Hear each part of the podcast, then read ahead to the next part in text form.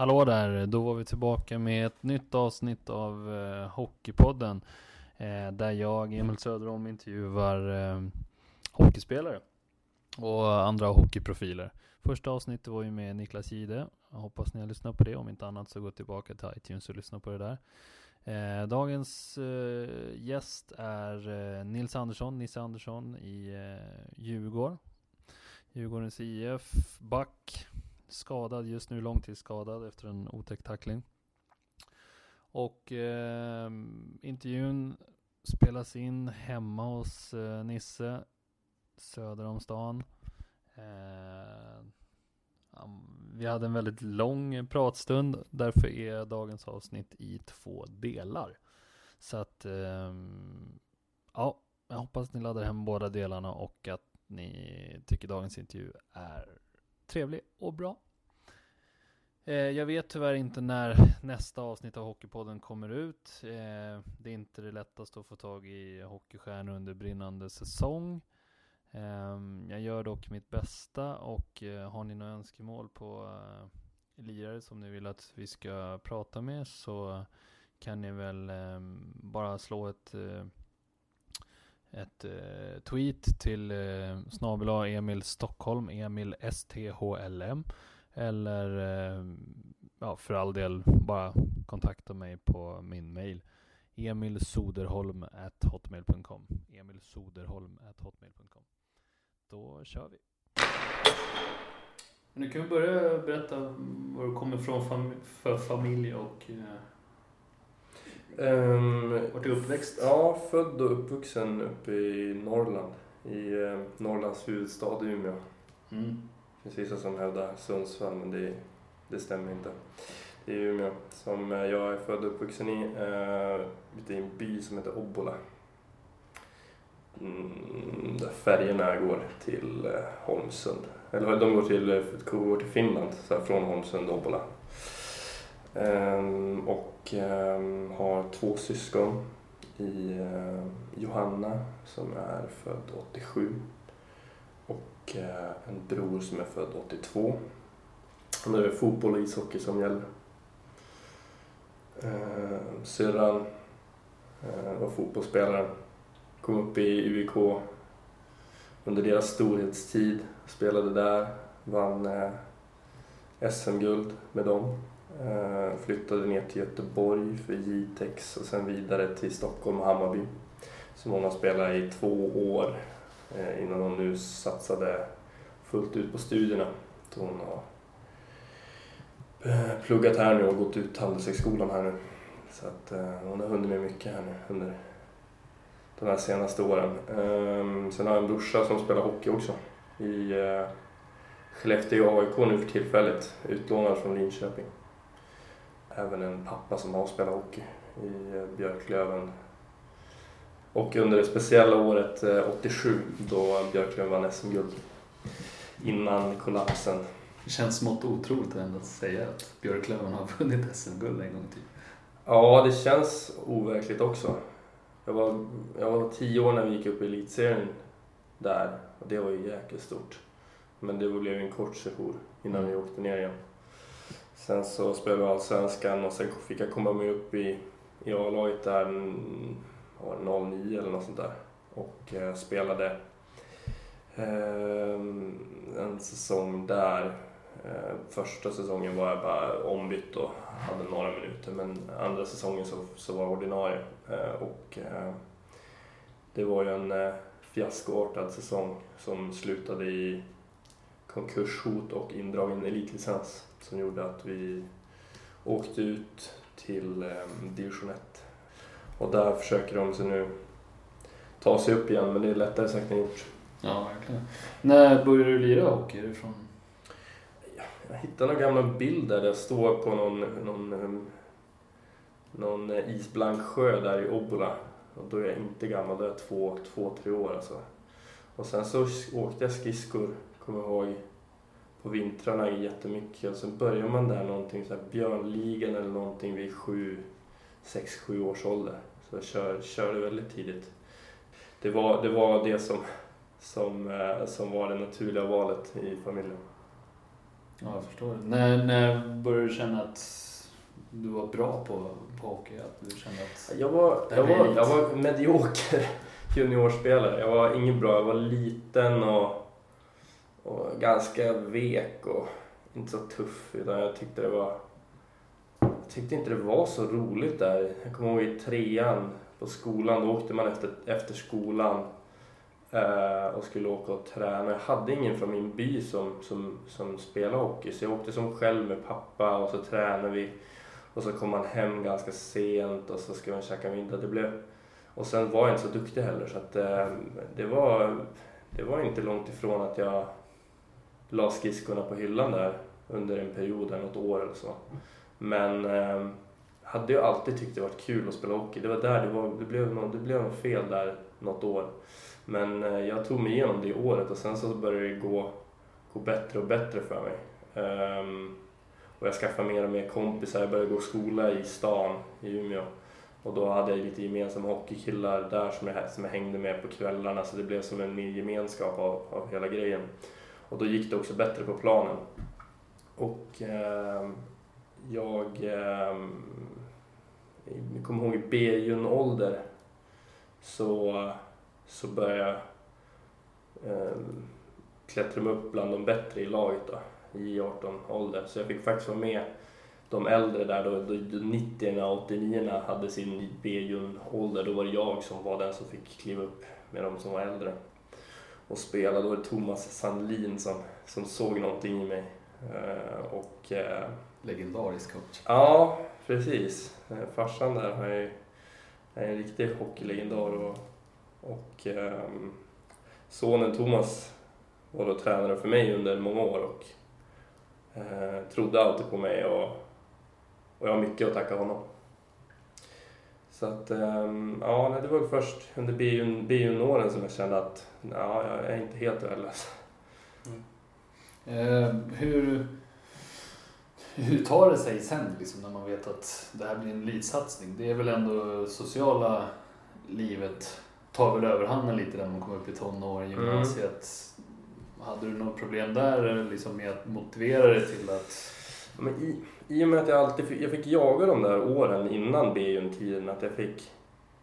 Det var alltid de som var bättre än mig och jag fick alltid liksom kämpa för att, för att få spela och få vara med. Så, så byggde jag upp någon slags naturlig, naturligt driv, att jag alltid måste göra bra ifrån mig.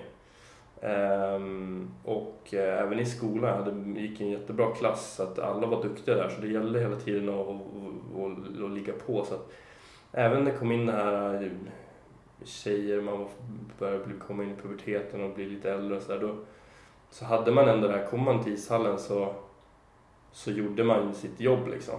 Det blev ganska tidigt ett jobb och hockeyn är, jag spelar innebandy också, jag spelar fotboll också. Men jag har inte riktigt sett samma driv i de idrotterna rent generellt. Det finns alltid de som har det men just att gruppen har ett driv, det, det, har, det, det är faktiskt hockey väldigt duktiga på.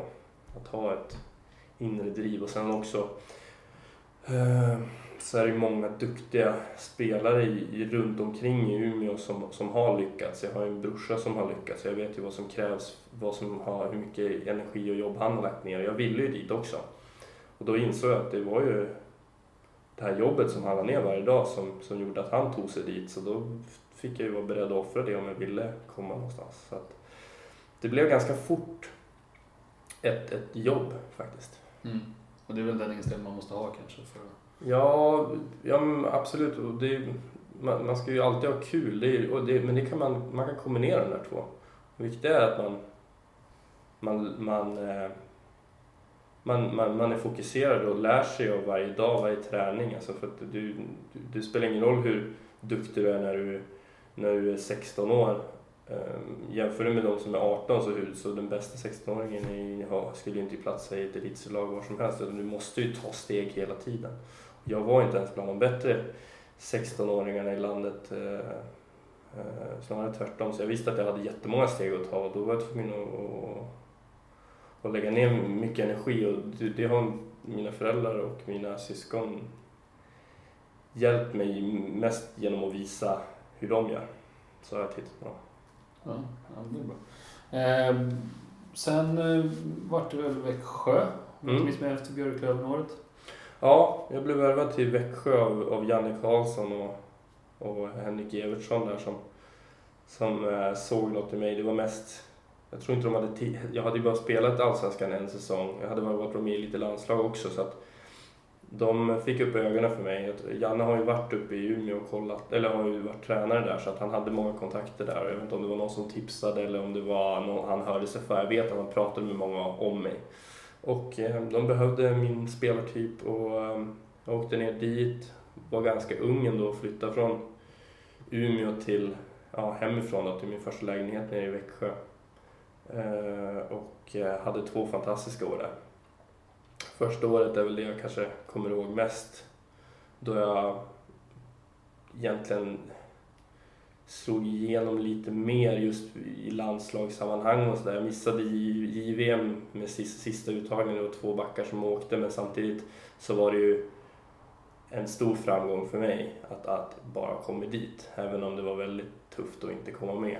Eh, men, men eh, det som följde efter det, den JVM-turneringen var att vi i Växjö spelade en kvalserie som gick helt fantastiskt bra och vi tog eh, klivet upp till elitserien. Och ehm, det är väl något som jag kommer att bära med mig resten av mitt liv. Den, eh, de veckorna, de kvalserieveckorna, de var helt fantastiska. Ja, jag förstår det.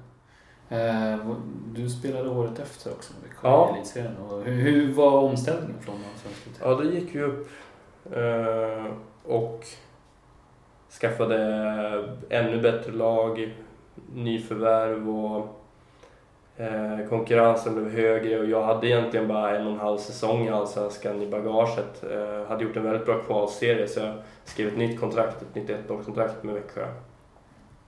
Och kändes jät- jättekul att de Eh, ville, ville tro på mig och, och trodde att jag klarade elitserien. Och, eh, hade en eh, bra start på säsongen ska jag ändå säga. Jag var lite bortplockad där i början i och med att vi hade väldigt bra trupp på backsidan.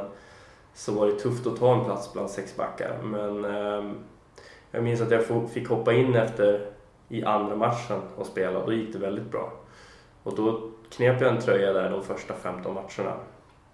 Och spelade med åldermannen Per Holberg nu som som vi i Djurgården kommer få möta nu i Asplöven.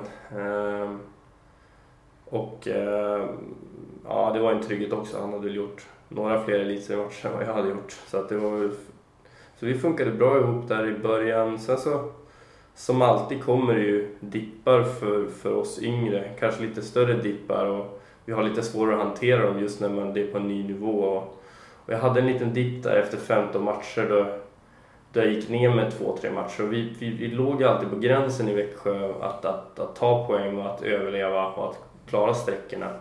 Och så hade vi Janne som är väldigt, eh, eh, vad ska man säga, han, eh, han, eh, han är väldigt hård så att gör du ett misstag då ska du, då ska du ta konsekvenserna av det och, och det i hockey innebär att du, får, att du blir bänkad ofta. Och eh, det var det som hände mig där efter 15 matcher, att jag blev eh, bortplockad. Vi hade ju killar som knackade på, på dörren som, som satt som sjunde och åttonde back som är väldigt duktiga hockeyspelare. Så det var ju förståeligt att de skulle hoppa in, men det, det förstörde lite min säsong. Jag kom aldrig riktigt tillbaka in i den där rytmen som jag hade börjat bygga upp. Ehm, och eh, det är en läxa som jag får ta med mig. Att jag, måste, jag fortsatte jobba och jag kom in och det kändes bra och sådär. Men de andra, de sex som spelade där, och så plockade de in Jonas Holös också i, i, i december, en väldigt duktig back. Och då blev konkurrensen ännu högre. Så att, ehm, men jag fick ändå hoppa in och spela fem matcher och så blev det någon skada och så fick jag hoppa in och fram och tillbaka och sådär. Så jag fick ändå ihop 45 matcher av 55 så jag fick, fick ändå spela väldigt mycket. Eh, och kanske mer än jag hade trott innan. Men jag, lite, jag hade fått lite blodad tand efter de där första 15 matcherna där det hade gått så bra.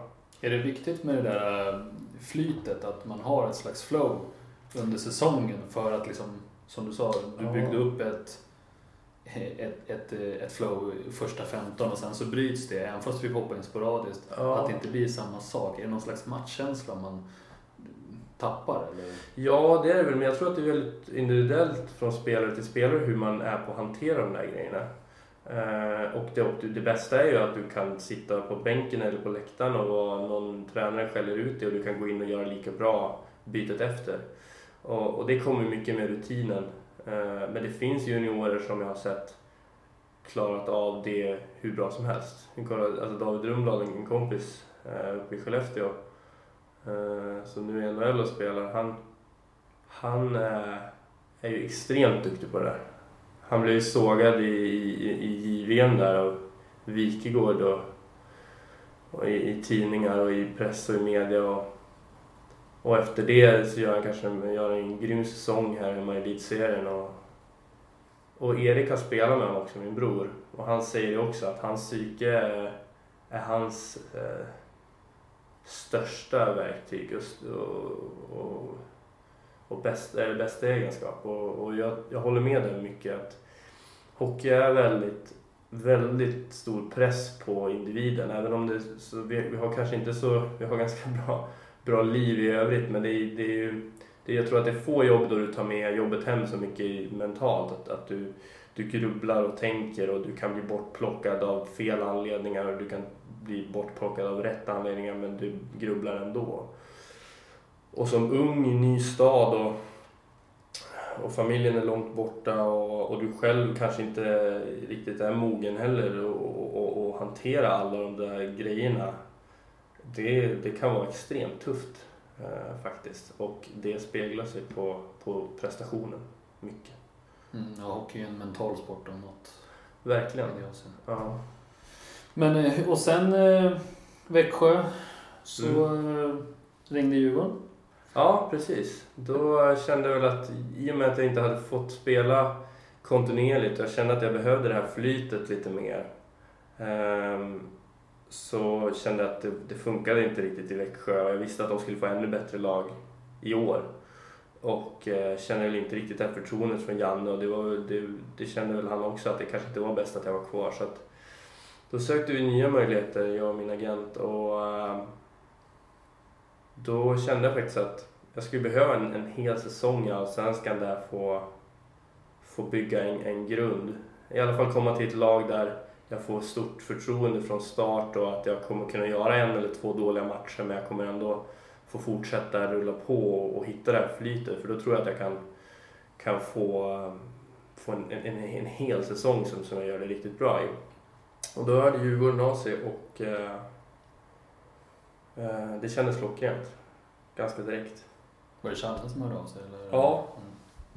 Challe ringde och även Mats Bäcklin, assisterande coachen, ringde och eh, berättade lite grann hur de såg på mig och, och la fram det lite grann. Och, ja, det, det, det är ju tjuv och rackarspel det där när man står utan kontrakt. Man vill inte säga för mycket och man vill inte säga för lite heller utan och så ringer det fler och så ringer Mr Maddock och frågar och, och pressar och um, jag trivs inte alls i den där äh, den där, innan allt är klart och, och, och, och prata i telefon med, med sportchefer och, och liksom, jag skulle, man helst skulle man vilja säga exakt som allt är men det går inte alla gånger. Mm. För det har ju med det, det, det har ju med mer än du skulle sälja in dig själv bland annat som ja, spelare? Ja, men jag, ja, precis. Och det är, där man, det är tur att man har en agent som, som kan sälja in den. För det är ganska tufft att gå och säga ja, jag är jävligt bra på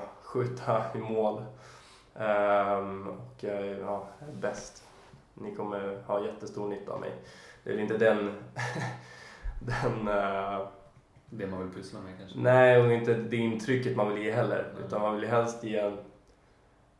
Ja, eller man vill liksom vara, vara sig själv och, och ödmjuk och, och, och vara en, en, en, lagspelare. Men det handlar ju om, om att sälja sig själv och sälja individen och en spelare. Och det är där agenternas roll är jäkligt viktiga och eh, välbehövliga.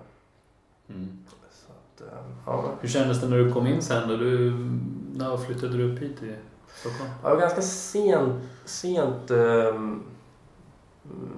på att skriva kontrakt här så jag hade hela sommaren uppe i Umeå hemma med familjen. Och flyttade upp hit, inte förrän i... Jag var här just innan midsommar och bodde på hotell i två veckor och tränade med laget. Då blev det klart. Sen så är det ju en, en månads individuell träning.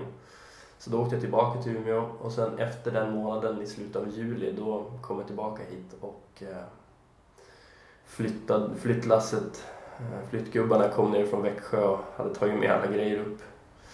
Så att, ehm, ja det var i slutet av juli som, som jag kom hit. Ja, och sen vart det ju European Trophy där. Mm. Hur många matcher var du han med? Uh, tre matcher, tre eller, tre, tre matcher tror jag. Tre eller fyra matcher. Tre, matcher tror jag. ja, mot Brynäs var sista. Ja, precis. Ja, jag hade European Trophy verkar inte vara min grej. ja, eh, spelmässigt kändes det riktigt bra. Och jag känns bra på träningen också. Jag kände att jag...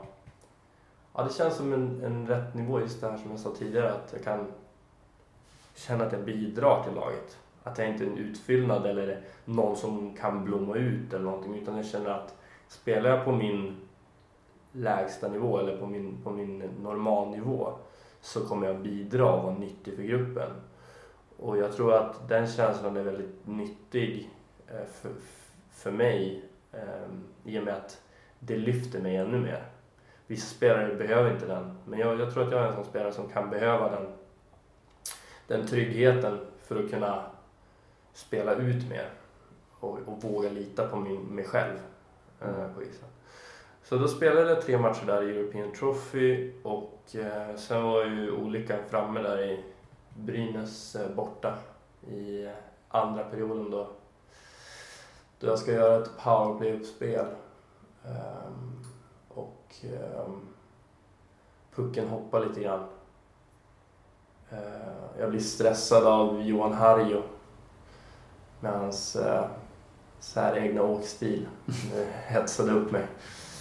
Så jag ska inte kasta sten i glashus nu heller. Jag är inte den vackraste åkstilen heller. Men, men eh, ja, jag tappade pucken eh, och försöker återfå kontrollen över den. Och Simon Bertilsson eh, uppfattar det här och väljer att ska sätta in en tackling på mig.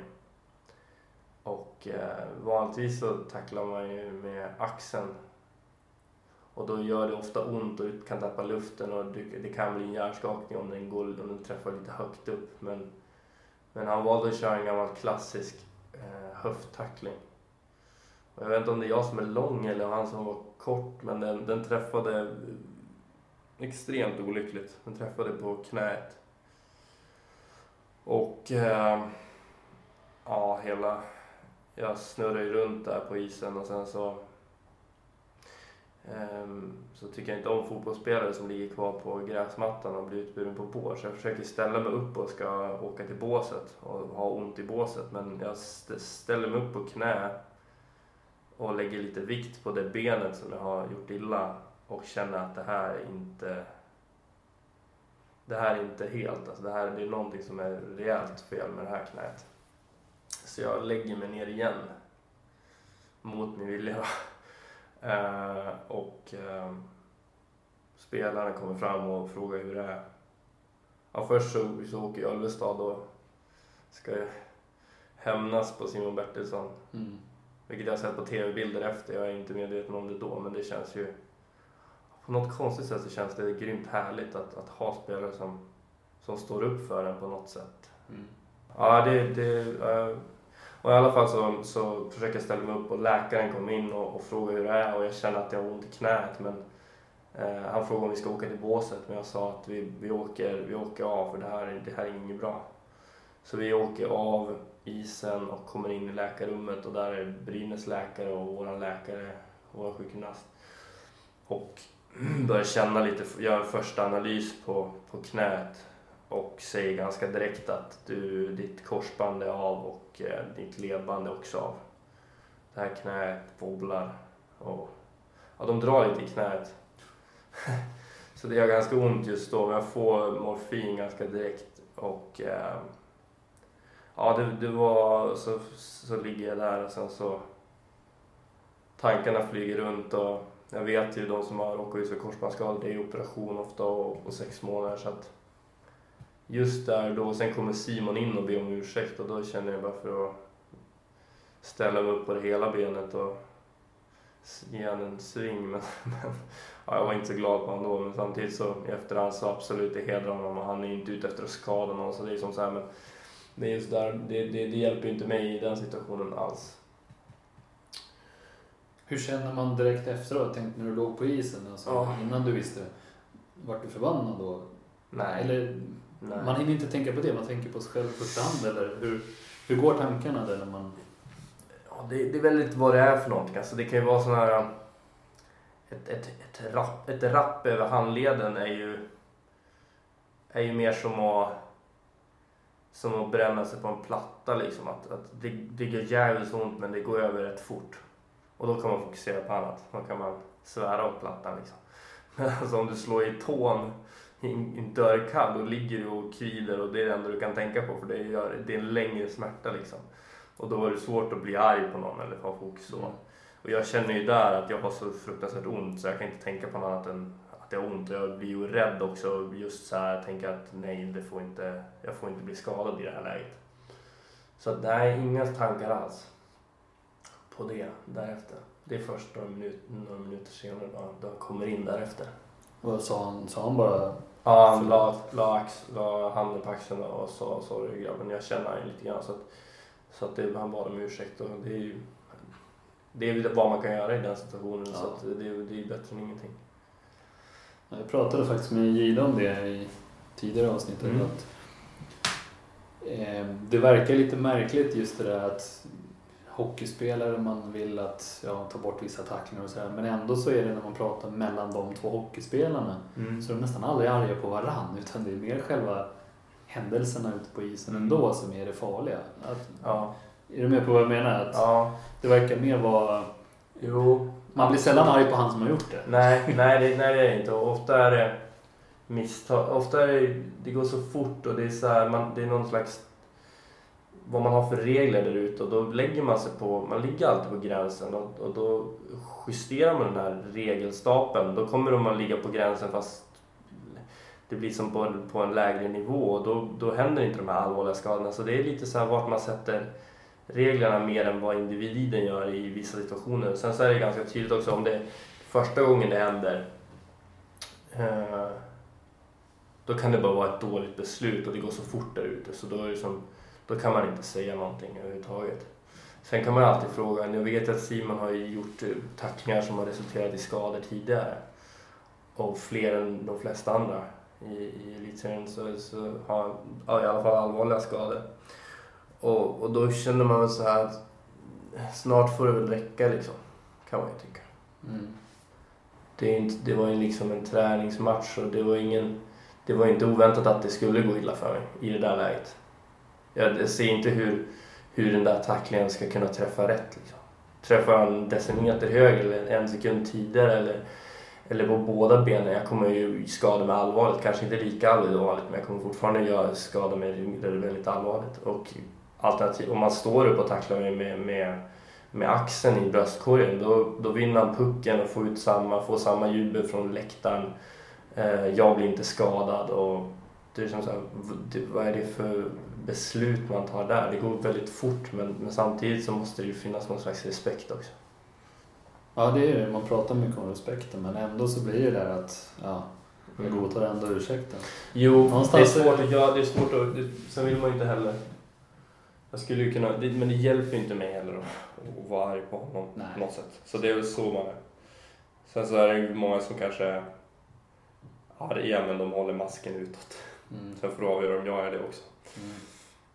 Nej men absolut, visst är det så. Det, för det, det är väl framförallt det som jag personligen tycker och många med mig vet jag att man reagerar över att varför godtog du ursäkten? Mm. Jag skulle ha varit fly förbannad en säsong förstås. Mm. Men som sagt sen, sen tjänar du ingenting på att Nej. åka till helvete. Och jag kan hamna i samma lag och, Ja. och då, då får man sätta sina personliga vendettor lite åt sidan. Eh, en ganska intressant grej just i lag att hur, hur bra alla kommer överens med varandra. Alltså hur, hur mycket vi umgås tillsammans. Utan att bli ovänner, utan att det blir speciellt stora. Man hör ju nästan aldrig om, om lag där, har- där det är liksom interna strider mellan spelare. Verkligen inte som i fotbollen. Nej. Och det, det, det är nog hockeykulturen som är, som är väldigt bra på det. Att det finns de som jag inte har kommit överens med. Men då lägger jag åt sidan det och, och går till, försöker gå halva vägen och, och kanske även om jag inte bryr mig alls eller jag stör mig på någon så, så pratar vi ändå om hur det var igår när du lämnade dottern på dagis eller allt möjligt som jag inte bryr mig om. Men jag, jag gör det för att jag inser att för lagets bästa, eller det här är viktigt för laget och det, och det är viktigt för mig att laget går bra. Och den kulturen, den, eh, den stämningen i laget har varit i alla lag som jag har varit i. Det är nog unikt för hockeyn skulle jag tro. Ja. Den där Ja, verkligen. Och det gör ju att vår arbetsplats blir mycket trevligare. Ja, Det skulle vara ohållbart om, om eh, man hade interna strider. Alltså det, det kan inte jag... Jag har varit i lag där det har varit bättre sammanhållning och sämre sammanhållning men det har aldrig varit rena, alltså så här, att, man, att man verkligen tyck, inte tycker om varandra. Och det märker man ju bara på skolan eller på varandra. Det är ju överallt. Men om, man, om det skulle ske, tror du inte att de spelarna plockas bort rätt snabbt utav ledningen? Eller? Jo. Men pratas det mycket mellan spelarna som inte ledningen är med på? Alltså jag tänker att Ja. det görs det, eller hur? Det är väl mycket... Ja. Spelarna är väl mer ett lag känner jag? än- Ja, så är det väl. Eh, alla känner ju till Janne Karlsson i Växjö och han kan ha åsikter som kan vara väldigt vettiga men också åt det andra hållet. Och på något sätt, ju mer jag funderar på det där så är det lite av hans storhet för att vi spelare kan titta på varandra och skaka på huvudet och komma ihop som ett lag mot honom på något sätt. Lite grann som i, i, inom militären. Att jag tror att det är inte många som som eh, älskar sina chefer där när de skriker att man ska ska göra en armhävning i leran eller ut och springa liksom. Utan man, men då kommer man tillsammans i någon slags eh, ja, man, man, blir ett, man blir ett team mot, mot det här. Man kan, man kan snacka skit och man kan uh, muttra och tillsammans. Men samtidigt så gör det att som grupp så kommer man ihop och får någon en utskällning av coachen då kommer det fem, sex stycken och säger bara bry dig inte om det där, ge en klapp på maxen, du är grym liksom, kom igen nu, vi, vi, vi kör det här, vi, vi löser det här. Och så var det definitivt i Växjö. Ehm, vi blev väldigt tajta. Ehm, och eh, cheferna då, de eh, var lite grann eh, utanför laget, spelarna liksom, eller i alla fall. Och sen så bestämde ju de så att eh, det var ju, de hade ju lika mycket att säga till om som i vilket annat lag som helst men det blev som ändå att det blev Spelarna blev som ett, en grupp, ett spelarfack eller vad man ska säga. Mm.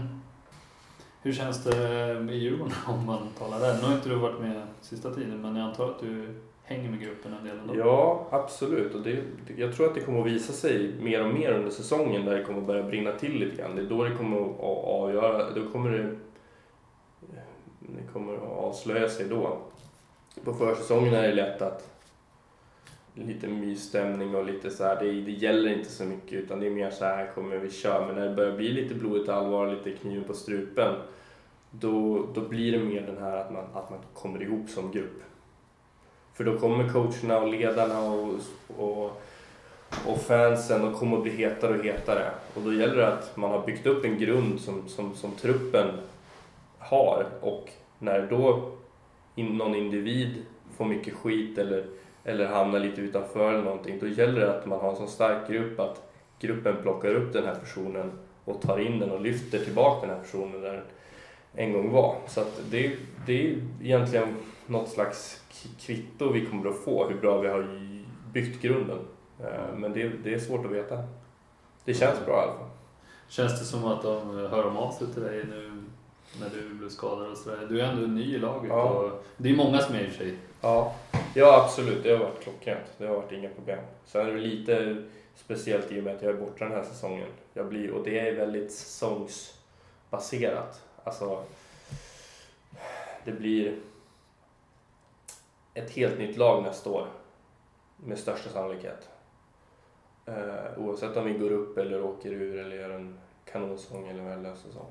Så kommer det bli fem, sex nya spelare och det ändrar gruppens balans helt och hållet. Så att egentligen den här säsongen så har jag hamnat lite, ett, tagit ett kliv utanför också. Och, och, det kan vara bra också i och med att jag inte kommer att vara med och spela heller. Och, och jag, men jag kommer alltid kunna vara där och kommer alltid träffa grabbarna. Så att, men, eh, men det hade varit lite annorlunda om jag hade varit borta i två månader än nu när det är hela säsongen. Tror jag. Det är hela säsongen som blir. Ja, det, det blir det. Eh, Sen är, det, är det med all rehab och sånt också då? Ja, ja. Det är att jag ska opereras om några veckor och sen är det sex månader utöver det. Och då är det ju i april och då är det en kvalserie. Så att i den bästa av världar så, så är jag väldigt lätt tränad där i mars, februari-mars och så kan jag spela en kvalserie men då ska allt kännas 100%. Och jag kommer göra min, min rehab så bra som möjligt och så sen så får det skulle det mot förmodan kännas bra i när kvalserien börjar komma, då, då kommer jag absolut vara med och spela där. Men det är inget... I och med att det, det måste kännas 100% så vill jag inte ha något slags mål. Då kommer jag bara bli besviken om jag misslyckas med det. Ehm, du är ung också, du har många år framför dig. Ja, just det. Så att jag känner att om jag har, väljer, väljer att sätta det målet så känner jag mig själv att då kommer jag jobba stenhårt och misslyckas jag med det. Um, vilket kan vara, alltså så här, det, det är inte upp till mig om jag kommer klara det eller inte. Och är det inte upp till mig om jag kommer klara det eller inte, då är det dumt att sätta det som mål. Liksom. Då är det bättre att skjuta på det. Mm. Vi ska lämna hockeykarriären lite grann. Mm, Har du några övriga intressen? På... Ja, mycket hockey. Jag är ju jag är verkligen ingen hockeykille. Även fast man kan tro det. Nej. Jag är inte intresserad av hockey egentligen.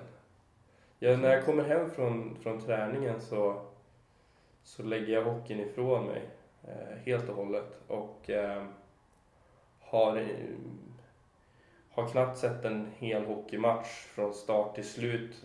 Som, alltså jag skulle aldrig kunna starta Kanal Plus mitt på dagen och se en gammal match. Det skulle, det skulle inte hända. Eh, sen om jag har en brorsa eller någon kompis eller någon som spelar eller det gäller någonting eller ett NHL-slutspel, då absolut, då kan jag kolla. Så, så pass intresserad. Men det är mer sport i allmänhet. Att just den här att det, det, det står något på spel. Och då är det inte hockeyn i sig utan då är det mer att det står något på spel som är. Och det kan vara att jag kan kolla Vem vet mest också om det är någon som verkligen vill vinna. Liksom. Det, det har inte med hockeyn att göra. Men, ehm, så att jag är ingen hockey... Jag är inte speciellt intresserad av hockey. Sen så är jag inte heller i, längst ut i andra eh, spektrat som Johan Forsberg verkar vara. Som inte har sett en... Vad säger han? Har inte sett en hel NHL-match någon gång i hela sitt liv. Det har jag gjort. Men nej, många andra intressen här. Men hur, eh, vad är det för intressen du pysslar med på sidan av? Golf pysslar du väldigt många med. Ja, eh, jag har spelat lite golf men det är inget stort intresse. Jag var väldigt ambitiös i skolan när jag gick gymnasiet.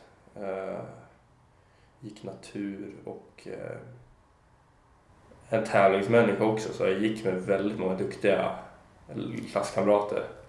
Och fick de 60 av 61 på något prov, då skulle jag ha 61 liksom. Så då, då blev det ju så att jag, att jag verkligen la mangen till och, och för att inte vara, för att vara i, på, över halvan i klassen, då gäller det att jag verkligen låg i. Så, att, eh, så då gjorde jag det och det har ju förhoppningsvis kommer jag ha stor glädje av det i framtiden. Det känns jäkligt kul att jag har ändå lagt ner så pass stor energi på skolan. Eh, jag märker ju bara nu i och med skadan att det, det är väldigt lätt hänt att, att man inte kan fortsätta spela den här sporten. Eh, så skolan har jag tyckt är kul och då allt tycker det är roligt att lära mig saker. Alltså, jag håller på att lära mig göra musik nu så att jag har spelat gitarr väldigt länge men nu har jag fastnat för det här med, med att producera musik. Eh, så jag sitter på sitter med min dator och synt och gitarr och försöker lägga ihop låtar tillsammans med en kompis. Då. Um, sen så håller jag på med, med aktier lite grann. Um, förhoppningsvis kan jag ta över någon lagkamrats depå och ta avkastning av honom i och med att jag inte har världens största kapital. Så att um, jag får snacka lite med Linkan Bremberg om jag kan få ta han pysslar med det? Nej, men jag, jag, jag, tänker mig att han har ett ganska stort kapital som jag kan få, få äh, sköta och kanske ta lite avkastning. En procent där, då är man ju, då är man nästan miljonär. Så att, ähm, så att äh, ja, det vore väl drömmen att få, få jobba in med bland någon äh, ta över någon hockeykilles portfölj som inte är så lika intresserad. Jag har faktiskt spelat med Martin Gerber i fjol. Han var väldigt intresserad av vad jag höll på med på, på för han frågade vad jag gör på, på eftermiddagen när jag sitter och fikar med min dator. Och då började jag förklara vad jag gjorde. Och att jag sätter upp liksom modeller och, och, och räknar på olika system, vad som ger bäst avkastning och fram och tillbaka. Det är inte speciellt intressant. För, men vad, har du, har du lyckats med en affär där? Liksom? Ja, jag, det ska jag väl säga att jag gör. Det känns som att jag är på, nu har jag väl börjat på en väg som känns väldigt bra och går bättre och bättre hela tiden. Och det känns som att jag ser någonstans långt där framme att det här kan bli väldigt lönsamt på sikt. Så att eh, det gör det ju mer intressant och roligare att lägga tid på. Liksom. Det är ju, man lägger ju tid på, på att tjäna pengar på, på tråkigare grejer så då kan jag göra det här som jag ändå tycker är kul liksom. Mm. Um, så jag sitter väl med det då och då. Um, inte helt manisk även, men, men jag, jag håller på lite grann. Ett intresse, ja. ja. Hur går det med musiken då, tror du? Att, uh, satsar ni på någonting där eller är det mer ett hobbyprojekt? Just? Vi lägger ner mycket tid. uh, och uh, Sen får man väl se, alltså, skulle det bli bra till slut så absolut så skulle det vara jätteroligt. Och få något, få fram någonting där, få fram låtar eller om det är någon annan som vill använda ens låtar och, och sjunga till eller om de vill rappa till dem eller vad de vill göra med låtarna. Men, men det känns ändå som, som även där att nu börjar man ändå få komma lite underfund med hur det funkar och, och bli bättre och bättre. Det känns, det är så här, jag tycker det är kul att att utvecklas och bli bättre och bättre. Och det är väl även i, gäller i musiken också. Att, och, och sen hur långt det kommer att räcka, ingen aning. Det kan ju, det kan, just nu är vi på, på väldigt låg nivå men, men samtidigt så vet jag att fortsätter man bara nöta och, och, och, tycker det är kul till slut så brukar det bli ganska bra, ganska bra resultat. Så att eh, man vet aldrig. Snart kanske jag eh, står och eh, jag vet inte vad, vad, vad, man ska ha som målsättning. Komma med på Digi-listan på P3. Ja. Nils Andersson. Ja. Lite så kanske. Ja, exakt. Nej, men någonstans ändå genomgående för allting som du har pratat om med dina intressen så är det hela tiden långsiktigt att om du gnuggar både skolan, mm. musiken här. Det är ju samma inställning du har i hockeyn. Och jag tror mm. att det är det som gör att du också kommer någonstans. Ja, det tror jag också. För jag är ju, alltså när jag började med grejer, som, som i hockeyn där, där, när jag gick i trean, fyran, där bestämde mig att nu ska jag satsa, nu ska jag göra det här bra.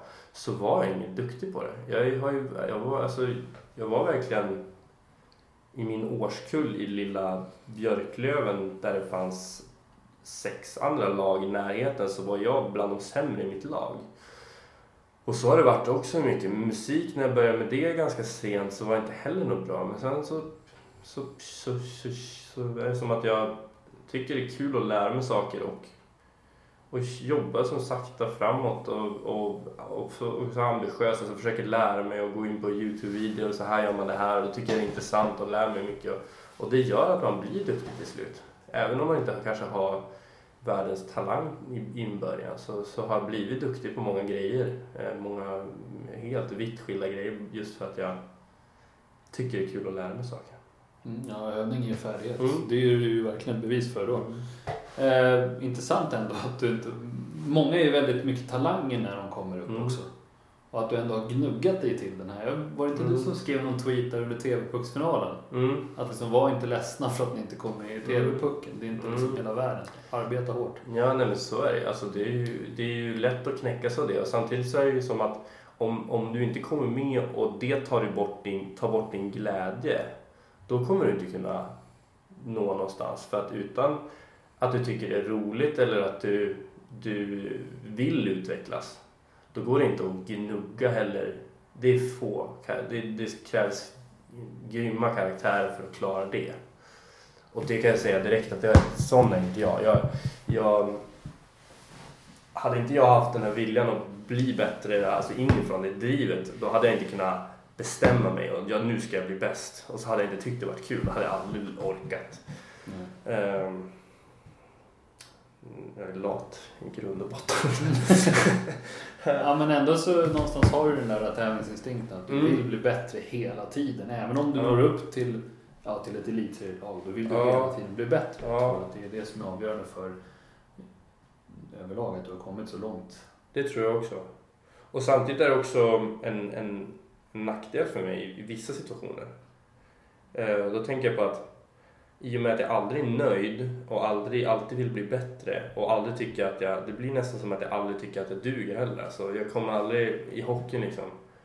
När jag hade alltid som mål att spela elitserien och i fjol spelade jag elitserien och spelade ändå mycket och fram och tillbaka men jag var ju, alltså jag tog det ju väldigt hårt i fjol att jag var lite bortplockad åt sidan sidosatt och då var det ändå två, tre år sedan jag, sedan jag spelade juniorhockey vilket är extremt stor eh, stort hopp. Så att, eh, och det knäcker ju, det tar ju på psyket. Så det är väldigt, alltså pressen som man sätter på sig själv i och med att man alltid vill bli bättre är ju väldigt hög. Och jag tror inte är speciellt bra på att hantera den. Så att eh, det, det är väl det jag har tänkt att jag måste jobba mycket med. Att hantera den här pressen och att kunna känna ibland att när jag jobbar stenhårt en hel dag, när jag då lägger mig i sängen på kvällen så måste jag ändå känna att nu har du gjort det bra idag du har, och vara nöjd med det liksom. Men då tänker jag hela tiden att imorgon då ska jag, bli, då ska jag göra det här bättre och det här bättre och det var inget bra det där. Och, och så att jag fokuserar, jag har lite dålig... Man måste klappa sig själv på axeln ibland också och känna så här, mm, det där har du gjort bra, nu har du, nu har du kommit dit och andas ut lite grann i, i perioder. Utan att för den, den delen blir lat liksom, och nöjd. Det här var alltså del ett i eh, Hockeypoddens intervju med Nils Andersson. Eh, för att lyssna på del två, gå tillbaka till iTunes och ladda ner del två.